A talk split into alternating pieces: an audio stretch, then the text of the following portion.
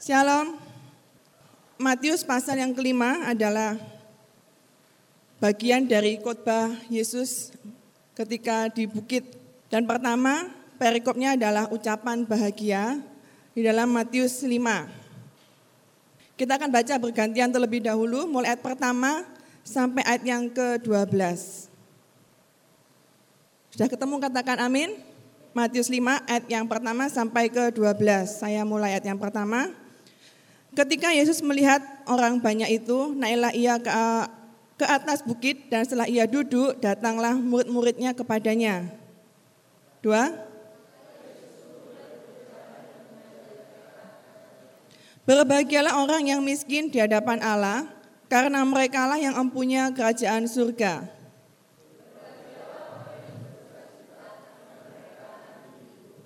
Berbahagialah orang yang lemah lembut karena mereka akan memiliki bumi.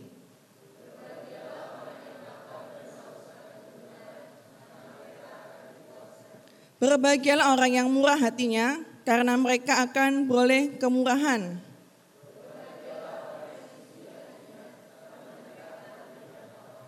Berbahagialah orang yang membawa damai karena mereka akan disebut anak-anak Allah.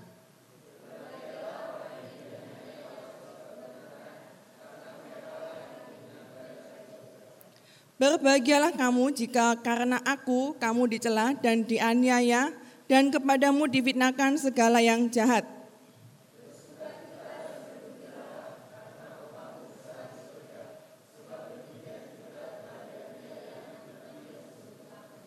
Ya, amin. Di situ ucapan bahagia ketika Yesus melihat orang banyak, naiklah ia ke atas bukit dan datang murid-muridnya kepadanya. Nah saudara, Khotbah di bukit ucapan bahagia ini uh, ditujukan kepada orang-orang yang percaya ya, kepada orang-orang yang mengaku dirinya adalah pengikut Kristus, dinyatakan bahwa di sini ucapan bahagia sebenarnya adalah merupakan rangkaian ciri-ciri warga kerajaan Allah itu seperti apa Saudara. Ya, kalau kita baca uh, dalam terjemahan yang lain, berbahagialah itu di dalam bahasa Inggrisnya sebenarnya bukan berbahagia tetapi blessed. Artinya diberkati. Jadi berbahagialah di sini dikatakan sama dengan diberkatilah orang yang miskin di hadapan Allah karena mereka akan empunya kerajaan surga, Saudara. Diberkatilah atau berbahagia. Yang pertama miskin di hadapan Allah. Dulu saya berpikir ya, miskin di hadapan Allah itu seperti apa? Kadang-kadang saya nggak bisa mencerna kalimat ini, saudara miskin di hadapan Allah. Kalau kita uh, lihat terjemahan bahasa Inggrisnya, bahas, uh, orang yang miskin di hadapan Allah itu adalah poor in spirit. Apa saudara? Artinya apa? Miskin di dalam roh. Roh kecil, R kecil saudara. Jadi miskin di hadapan Allah itu sama dengan orang yang miskin di dalam roh. Roh kecil berarti roh kita, ya. Miskin di dalam roh itu artinya kita merasa bahwa kita ini memiliki kerendahan hati, ya. Miskin dalam roh artinya kita memiliki kerendahan hati bahwa kita mau dibongkar, dikosongkan roh kita oleh Tuhan. Kita mau menerima bentukan sehingga hanya Tuhan yang berkarya di dalam hidup kita. Itu artinya miskin di dalam roh. Kita mau dikosongkan roh kita, roh kecil kita saudara. Dikosongkan, biarkan Tuhan yang memenuhi hidup kita. Nah saudara, maukah kita mengosongkan diri kita dan biarkan kepenuhan Kristus itu yang memenuhi hidup kita saudara. Artinya di dalam kitab Galatia 2 kita baca saudara. Galatia pasal yang kedua Ini ayat yang sangat bagus, ada lagunya juga. Galatia 2 ayat yang ke-20. Namun aku hidup, tetapi bukan lagi aku sendiri yang hidup, melainkan Kristus yang hidup di dalam aku. Dan hidupku yang kuhidupi sekarang di dalam daging adalah hidup oleh iman dalam anak Allah yang telah mengasihi aku dan menyerahkan dirinya untuk aku. Nah saudara, kalau kita hidup di dunia ini, kita belajar untuk menyadari bahwa sebenarnya bukan kita lagi yang hidup. Tetapi Yesus yang hidup di dalam diri kita. Mengosongkan diri saudara. Seperti Yesus ketika dia datang ke dunia ini, dia mengosongkan dirinya. Menjadi sama seperti manusia. Taat sampai mati, sampai mati di atas kayu salib. Itu artinya pengosongan diri.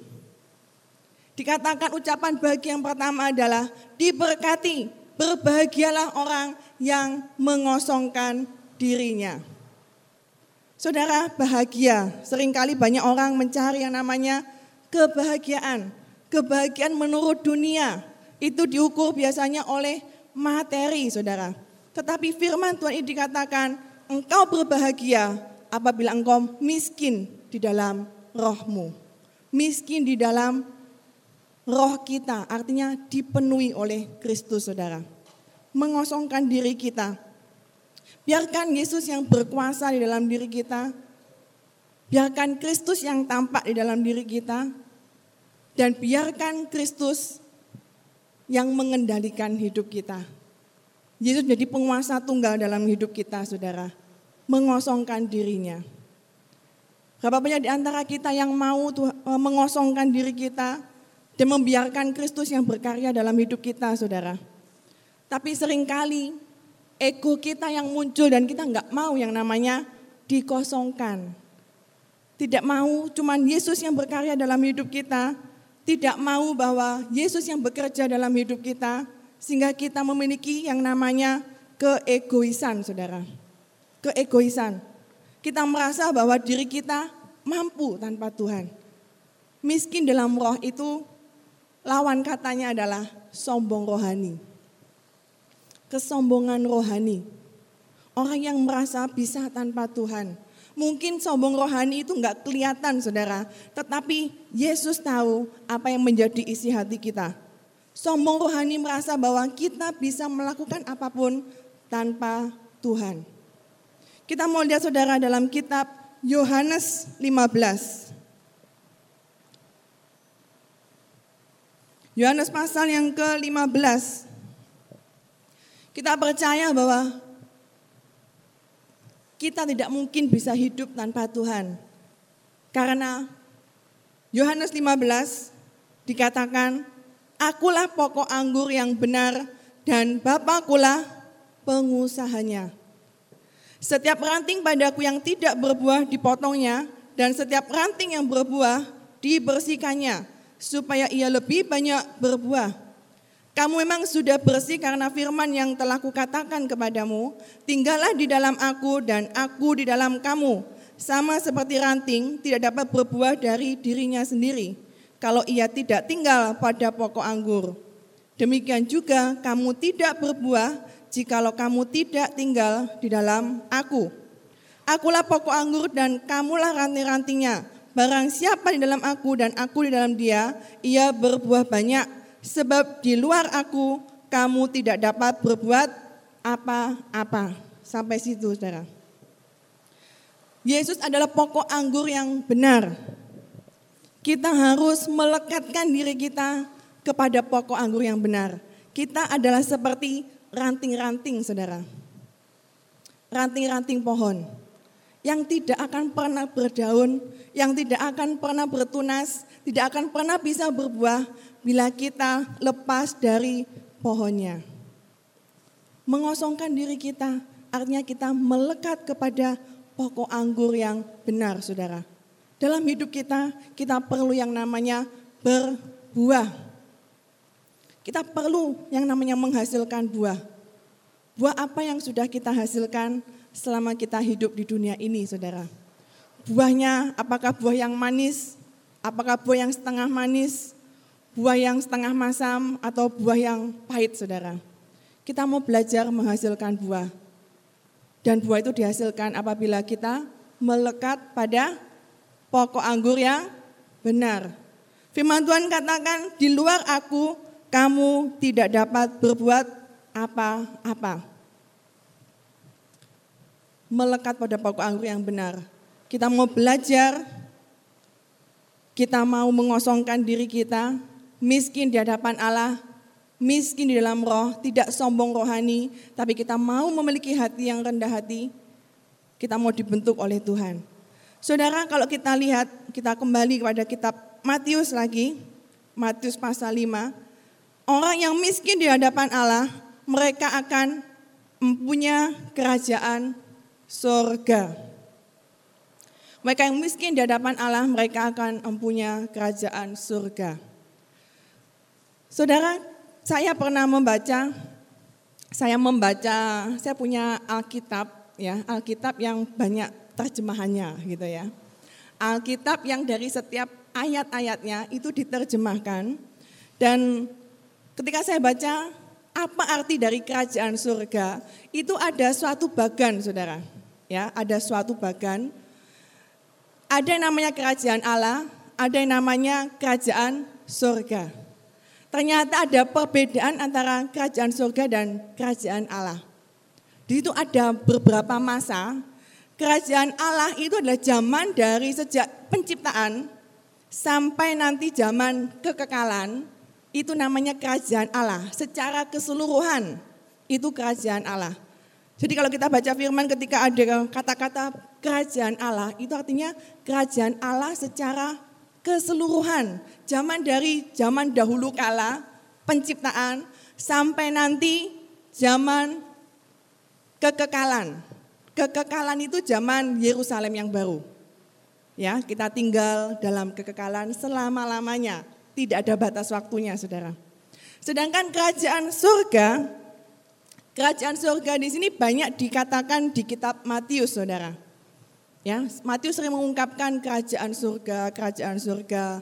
Ketika Yohanes Pembaptis dia berkata, "Bertobatlah, kerajaan surga sudah dekat." Ya, kerajaan surga sudah dekat. Banyak dikatakan kerajaan surga, kerajaan surga. Kerajaan surga adalah bagian dari kerajaan Allah.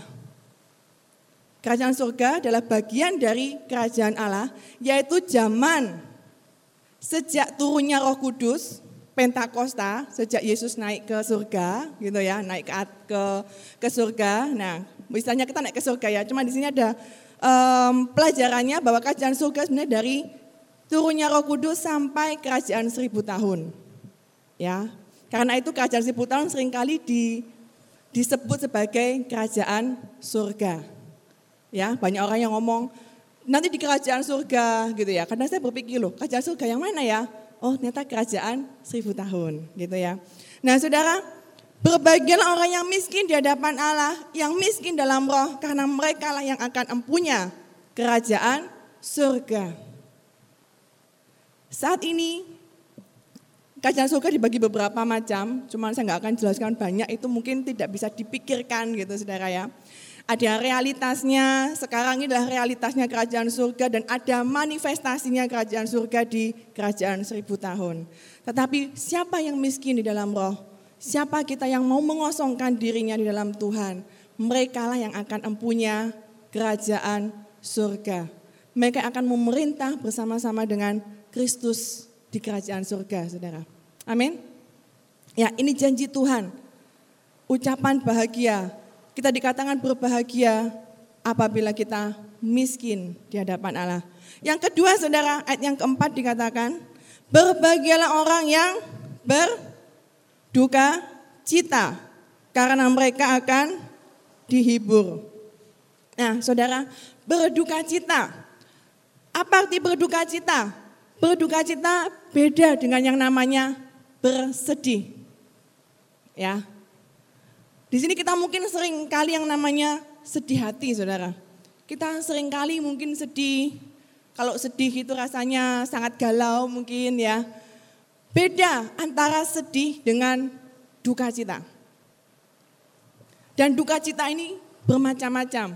Firman Tuhan di sini dikatakan berbagilah orang yang berduka cita. Ini bukan berduka cita karena dunia saudara. Tetapi kita berduka cita karena dosa. Kita tidak hanya sekedar bersedih. Bersedih itu mungkin hanya um, tidak terlalu mendalam. Ya, sedih, oh iya melihat ini sedih. Tapi kalau berduka cita itu lebih mendalam, saudara. Lebih mendalam. Bahasa lainnya bersedih, uh, berduka cita itu kalau kita bisa renungkan, bersedih, uh, berduka cita itu seperti meratap. Berduka cita itu seperti meratap berkabung ya. Di bahasa Inggrisnya dikatakan susah ngomongnya, mourn apa ya? M mourn ya, gitulah ya, pintar bahasa Inggris ya. M O U R N itu ya bahasanya ya. Itu artinya meratap berkabung sangat sedih yang sangat mendalam gitu ya, sedih sangat mendalam. Itu adalah berduka cita. Mungkin agak kontradiksi saudara, berbahagialah orang yang berduka cita. Duka cita kok malah berbahagia gitu saudara ya. Tetapi di sini duka cita bukan karena duka cita dunia. Bukan duka cita karena kita kehilangan apa yang ada di dunia ini saudara. Bukan duka cita karena kita kehilangan seorang yang kita kasih. Bukan duka cita karena kita nggak punya uang. Bukan duka cita karena liburan, nggak ada yang ngajak jalan-jalan gitu ya. Bukan duka cita yang secara duniawi saudara. Tetapi duka cita di sini adalah duka cita karena engkau melihat dosa. Duka cita karena engkau melihat kerajaan Allah belum dinyatakan. Engkau berduka cita karena melihat jiwa-jiwa yang terhilang. Engkau berduka cita karena Injil Kristus belum sampai ke seluruh bumi, saudara. Duka cita yang mendalam, banyak jiwa-jiwa yang belum yang belum mengenal kasih Kristus, sehingga itu menimbulkan duka cita yang mendalam, saudara. Sampai engkau meratap, sampai engkau berkabung, karena engkau merasakan kesedihan yang mendalam. Saudara, kita perlu lagi merasakan yang namanya duka cita karena Kristus. Bagaimana semangat hati kita untuk jiwa-jiwa yang terhilang? Apakah duka cita kita karena dosa, karena jiwa-jiwa yang terhilang itu sudah mulai luntur? Duka cita meratap, menangisi jiwa-jiwa yang terhilang. Saudara kita perlu lagi mengalami yang namanya sakit hati kita. Sakit karena mengandung gitu ya. Kalau bahasa rohaninya kalau kita pengen punya anak-anak rohani, jiwa-jiwa yang baru saudara, kita akan perlu yang namanya mengalami mengandung. Perlu mengalami yang namanya sakit karena kita mengandung, sakit yang namanya bersalin. Saudara, berapa lama kita sudah tidak menangisi jiwa-jiwa lagi? Ketika kita melihat orang-orang yang mereka hidup dalam dosa, hati kita mulai biasa, hati kita mulai tumpul, tidak ada duka cita lagi. Biasa, kita mulai sibuk dengan diri kita. Yang penting aku sudah selamat. Yang penting aku baik-baik dalam hidupku, aku enjoy saja, aku nyaman dalam hidupku, aku nggak perlu peduli dengan orang lain. Saudara, kita perlu yang namanya berduka cita. Meratap. Momen 17 Agustus biasanya kita berdoa buat bangsa. Hati kita apakah benar-benar merindukan bangsa ini dipulihkan saudara. Merindukan berduka cita karena bangsa ini sudah mulai rusak saudara. Kita perlu yang namanya meratapi, meratapi jiwa-jiwa, menangisi jiwa-jiwa menangisi jiwa-jiwa. Jangan sibuk dengan urusan kita sendiri, saudara.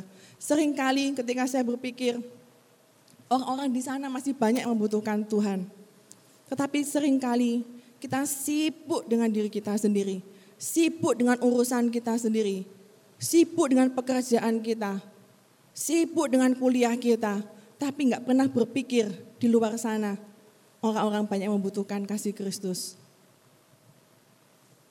kita perlu lakukan sesuatu. Apa yang bisa kita lakukan?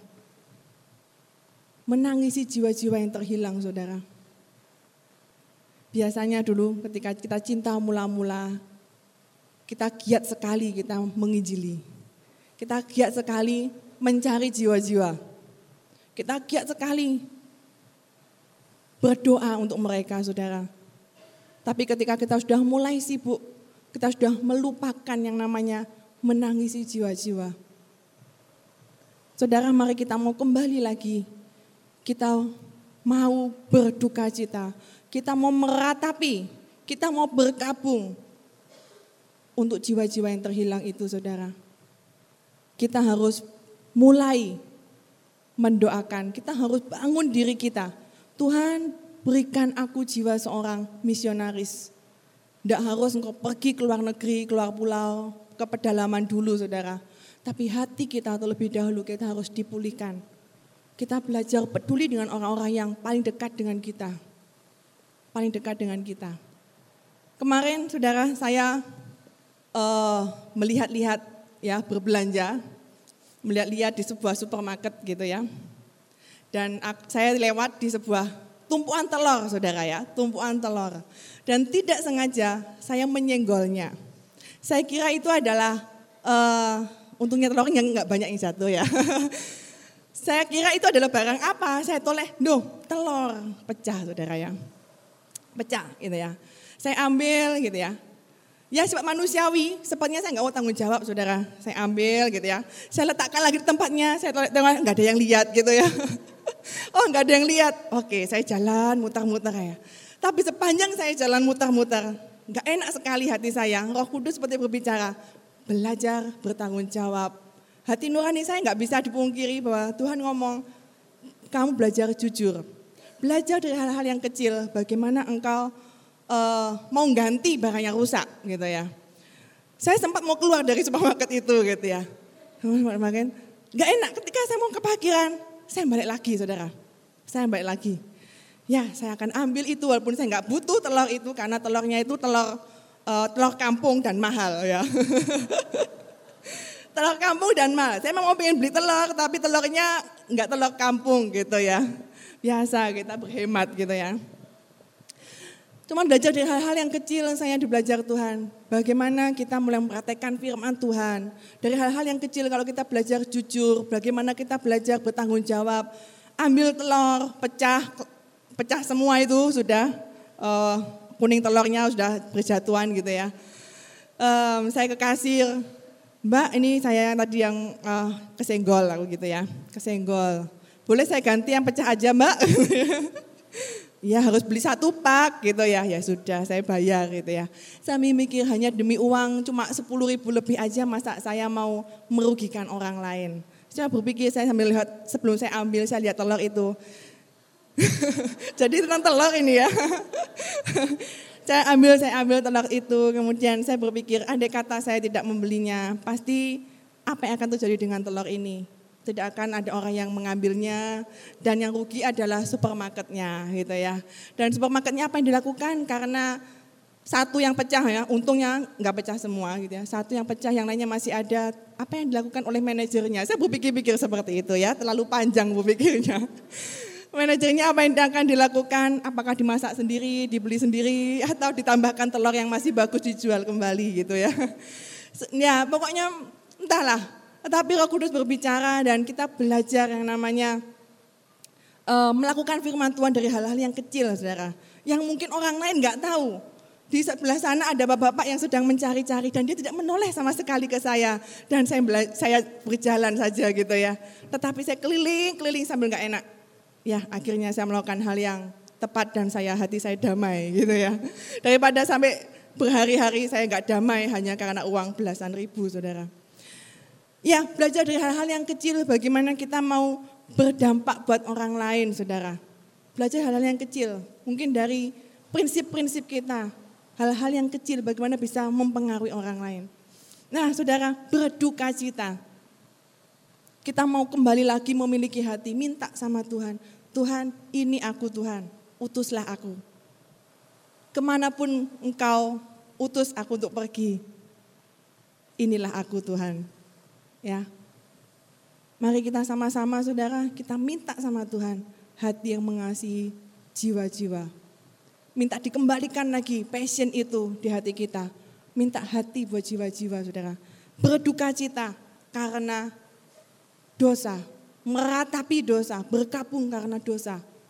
Saudara, tidak akan ada pertobatan yang sejati kalau kita nggak pernah meratapi dosa, menyesal yang mendalam atas dosa-dosa. Berkabung itu seperti Raja Daud. Ketika dia setelah dia berbuat dosa, dia sangat-sangat menyesal. Sampai dia berkabung, dia pakai baju kabung, dia memberikan abu di atas kepalanya. Dia meratapi dosanya. Kenapa saya berbuat dosa seperti ini? Seringkali kita sudah tidak lagi memiliki hati yang berduka cita. Kita setelah berbuat dosa, hati kita biasa-biasa. Setelah kita buat dosa bohong, kita sudah mulai biasa-biasa. Lama-lama kita akan terbiasa berbuat dosa. Karena ketika roh kudus mengingatkan kita, kita nggak pernah mau berubah, nggak pernah mau sadar. Akhirnya dosa menjadi sebuah kebiasaan. Saudara, belajar menyadari dosa, berkabung atas dosa-dosa kita. Belajar kita mau diubahkan oleh Tuhan, saudara. Hati yang hancur. Yeremia adalah seorang nabi yang meratap. Sampai dia membuat kitab yang namanya ratapan. Seluruh ayat-ayatnya berisi ratapan. Dia rindu sekali atas pemulihan Yerusalem. Dia rindu sekali atas pemulihan bangsa, saudara. Sampai dia membuat pemulihan, doa atas pemulihan Sion. Sudah, mari kita mau berdoa. Kita mau memiliki hati untuk jiwa-jiwa saudara. Apa yang akan mereka dapatkan ketika mereka berduka cita karena dosa, karena jiwa-jiwa meratapi dosa, mereka akan dihiburkan. Saya percaya ketika engkau ya dalam kitab Mazmur menabur benih engkau bersusah payah, engkau bekerja di ladang Tuhan, bahwa engkau akan dihiburkan saudara. Engkau lah yang pertama akan mendapatkan hasil tuayan itu. Engkau lah yang pertama akan bersuka cita. Engkau akan dihiburkan. Yang ketiga saudara, berbahagialah orang yang lemah, lembut. Karena mereka akan memiliki bumi. Yaitu penurut tanpa perlawanan. Itu lemah lembut saudara. Lemah lembut itu penurut, tidak suka melawan. Hati yang lembut artinya kita tidak suka melawan terhadap kehendak Tuhan, saudara. Ini sebenarnya mirip dengan yang namanya miskin di dalam roh tadi, kerendahan hati, menurut, suka taat terhadap apa pun yang Tuhan perintahkan di dalam hidup kita. Taat kepada apa pun yang Tuhan yang menjadi kehendak Tuhan. Seringkali kita bertanya kepada Tuhan, Tuhan mengapa begini, mengapa begitu, aku ingin tahu ini dan itu. Ya itu lagunya ya. Mengapa begini, mengapa begitu, aku ingin tahu kenapa ini dan itu gitu ya. Saudara, kita sering kali kita menjadi orang-orang yang berontak kepada Tuhan. Kalau engkau suka berontak kepada Tuhan, artinya engkau tidak memiliki hati yang lemah lembut. Lemah lembut artinya apa? Pe nurut, tidak suka melawan. Kalau Tuhan katakan A, kita akan lakukan A. Jika Tuhan katakan B, kita akan lakukan B. Ya, saudara, persis seperti apa yang Tuhan katakan. Seringkali kita curiga dengan apa yang namanya kehendak Tuhan. Kehendak Tuhan itu percayalah itu yang terbaik buat kita, saudara. Amin. Amin.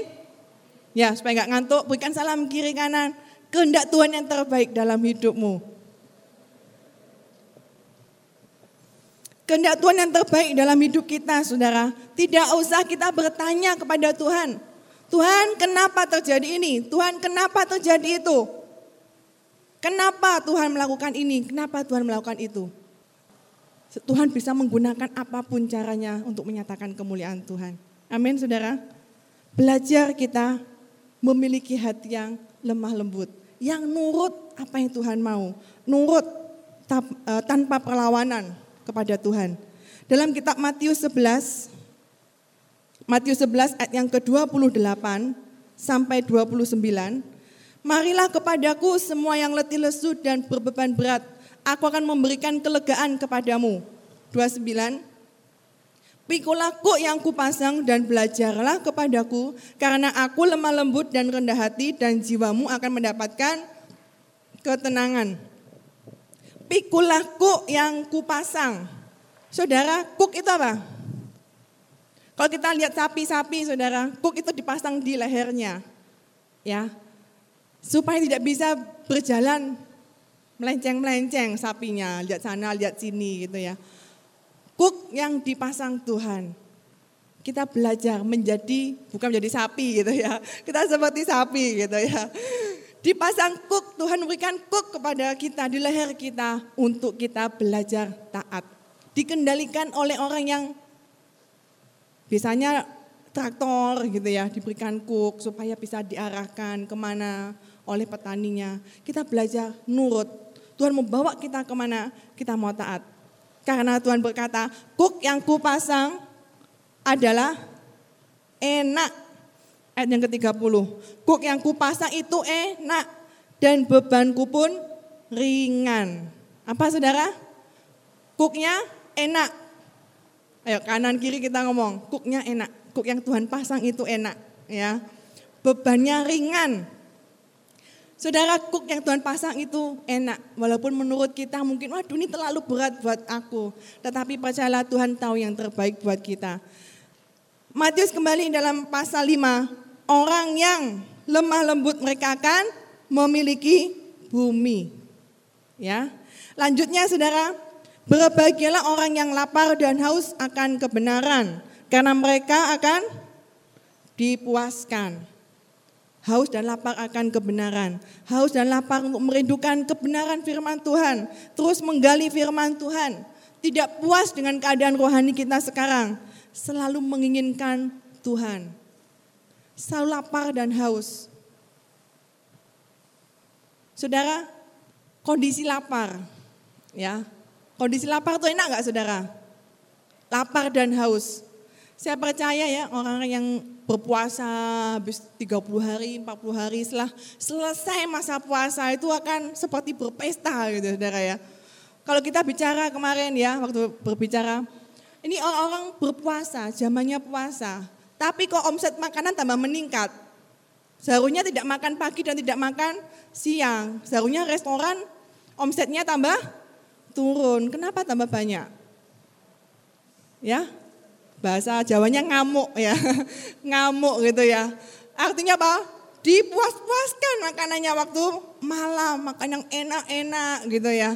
Karena sudah menahan lapar, sudah menahan haus, ngamuk gitu ya bahasanya ya. Ngamuk semua makanan dimakan gitu. Saudara, seorang yang lapar, seorang yang haus, bisa menjadi berbahaya gitu ya. Seperti singa yang mengaum-ngaum gitu ya. Ya, akan bahaya, perutnya lapar. Sampai dia mendapatkan makanannya, dia baru tenang gitu ya. Nah, lapar dan haus akan kebenaran. Lapar dan haus ini tidak hanya sekedar engkau pengen nyicip, pengen nyicip makanan enggak, tapi benar-benar lapar. Artinya engkau enggak akan kenyang, enggak akan puas sampai engkau makan itu makanan saudara. Ya, dan makanan aja itu tidak semuanya bisa memuaskan. Betul? Pernah kita makan tapi kita nggak puas? Kita masak masakan sendiri, ya. Kita makan. Duh, kok rasanya kok agak aneh gitu ya. Nggak puas. Kepengen makan lagi di tempat lain, makan, ayo makan keluar ah, kok nggak puas gitu di makanannya gitu ya. Atau kita makan di restoran, kok nggak spiro enak ya. Belum kenyang tapi nggak puas gitu ya. Beda kenyang dengan puas saudara. Puas tuh wah puas pokoknya enak pokoknya wis pokoknya nggak akan pengen makan lagi gitu ya itu puas. Nah saudara ketika engkau lapar dan haus akan kebenaran engkau akan dipuaskan. Artinya engkau benar-benar mendapatkan apa yang engkau inginkan. Ketika engkau lapar dan haus akan Tuhan, engkau mendapatkan Tuhan, engkau akan benar-benar dipuaskan. Tidak cuma kenyang, tapi engkau benar-benar puas. Puas ya, seperti mungkin jiwa kita, hati kita yang kosong, itu mulai dipuaskan sama Tuhan. Mulai ada suatu kepuasan. Yang selanjutnya saudara, ayat yang ketujuh, berbahagialah orang yang murah hatinya, karena mereka akan beroleh kemurahan. Murah hati. Murah hati itu nama lainnya adalah berbelas kasihan. Bukan sekedar murah hati itu memberikan, oh tak kasih ya kamu ya, suka memberi gitu ya. Ada lebih dalamnya lagi yaitu berbelas kasihan saudara. Tidak sekedar memberi. Murah hati itu berbelas kasihan. Murah hati, mercy. Ya, Artinya apa? Engkau memberikan sesuatu kepada seseorang yang bukan menjadi haknya. Yang enggak layak menerimanya, itu namanya belas kasihan. Engkau memberikan sesuatu yang bukan menjadi haknya. Itulah belas kasihan saudara. Berbahagialah, diberkatilah orang yang memiliki kemurahan hati, yang memiliki belas kasihan. Karena mereka akan beroleh kemurahan. Mereka juga akan mendapatkan sesuatu yang tidak layak dia terima. Seperti Yesus, ketika kita memberikan belas kasihan kepada orang, Tuhan Yesus juga akan memberikan belas kasihan kepada kita. Kasih karunia-Nya, menebus dosa kita, memberikan sesuatu yang seharusnya enggak layak kita terima. Itu namanya belas kasihan, kasih karunia. Selanjutnya saudara, ayat yang ke-8, Berbahagialah orang yang suci hatinya karena mereka akan melihat Allah. Suci hatinya, murni hatinya artinya hanya memiliki satu tujuan. Tidak tercemar, tidak bercabang hati. Hatinya hanya tertuju kepada Tuhan. Murni hatinya artinya 100% hati kita hanya untuk Tuhan. Ketika sepenuh hati kita kita berikan kepada Tuhan, maka Tuhan bisa berkarya dalam hidup kita. Orang-orang yang memberikan sepenuh hatinya kepada Tuhan, mereka akan melihat Allah. Ya, mereka akan melihat Allah. Tanpa kekudusan, tidak seorang pun akan melihat Allah. Ketika engkau suci hati, murni hati, engkau bisa melihat Allah, saudara. Selanjutnya, sembilan, berbahagialah orang yang membawa damai, karena mereka akan disebut anak-anak Allah yang membawa damai. Ya, seperti minggu lalu ya Bapak Gembala menyampaikan firman, jangan menjadi orang yang telinganya panjang ya, betul ya? Telinga panjang dan intinya tidak boleh cepat ngomong panas gitu ya. Tidak boleh cepat telinganya juga sensitif, cepat tersinggung gitu ya. Membawa damai karena mereka akan disebut anak-anak Allah. Percayalah bahwa anak-anak Allah itulah yang akan mewarisi janji-janji Allah. Di dalam Roma 8 ayat 17. Gak usah dibuka, enggak apa-apa. Hanya anak-anak Allah, mereka akan menerima dan mewarisi janji-janji Allah, saudara. Orang-orang yang membawa damai, mereka akan mewarisi janji-janji Allah. Amin. Selanjutnya, berbahagialah orang yang dianiaya oleh sebab kebenaran, karena mereka lah yang empunya kerajaan surga. Berbahagialah kamu karena aku kamu dicela dan dianiaya dan kepadamu difitnahkan segala yang jahat.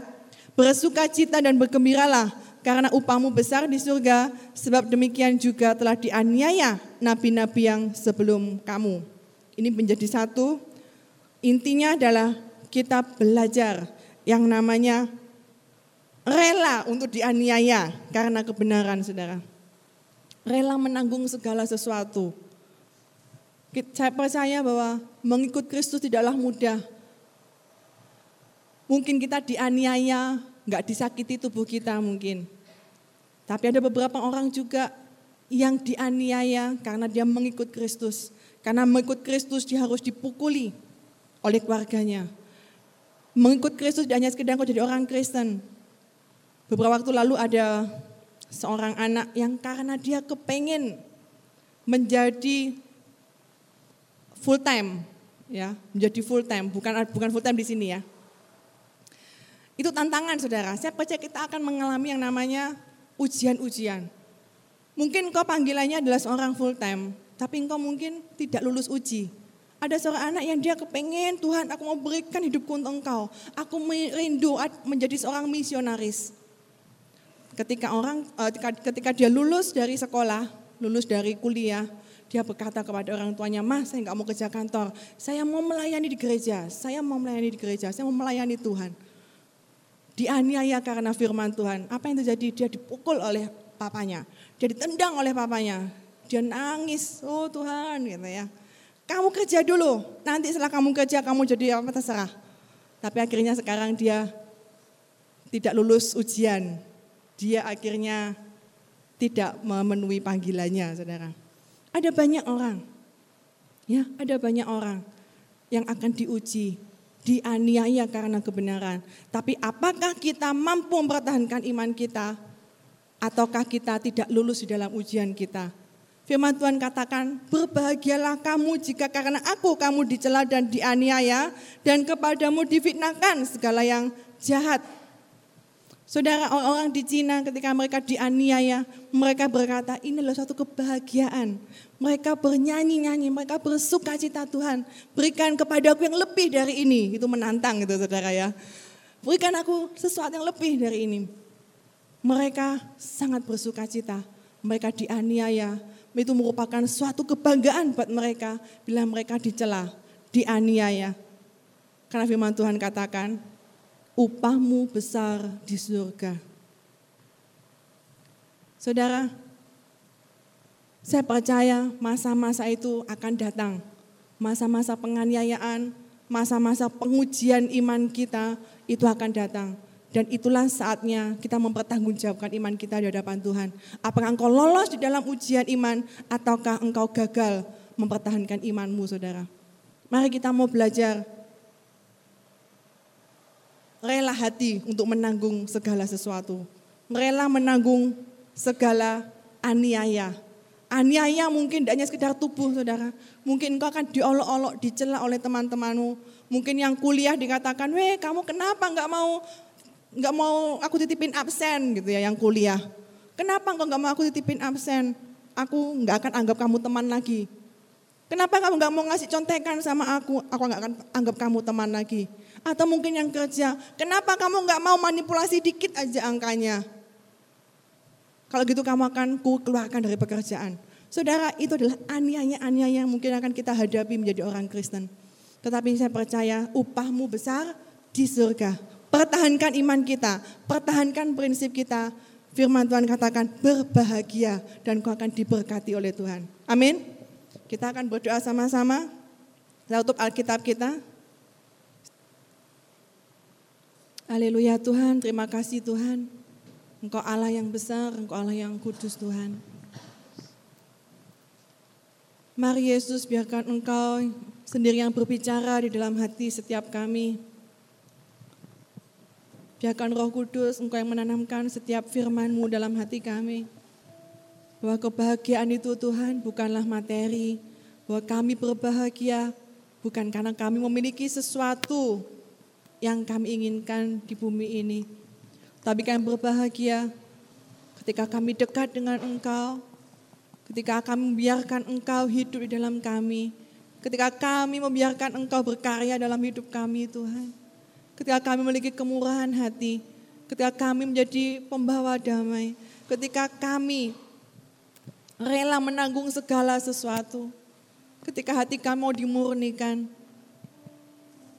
Mari Tuhan, berikan kami kelemah lembutan.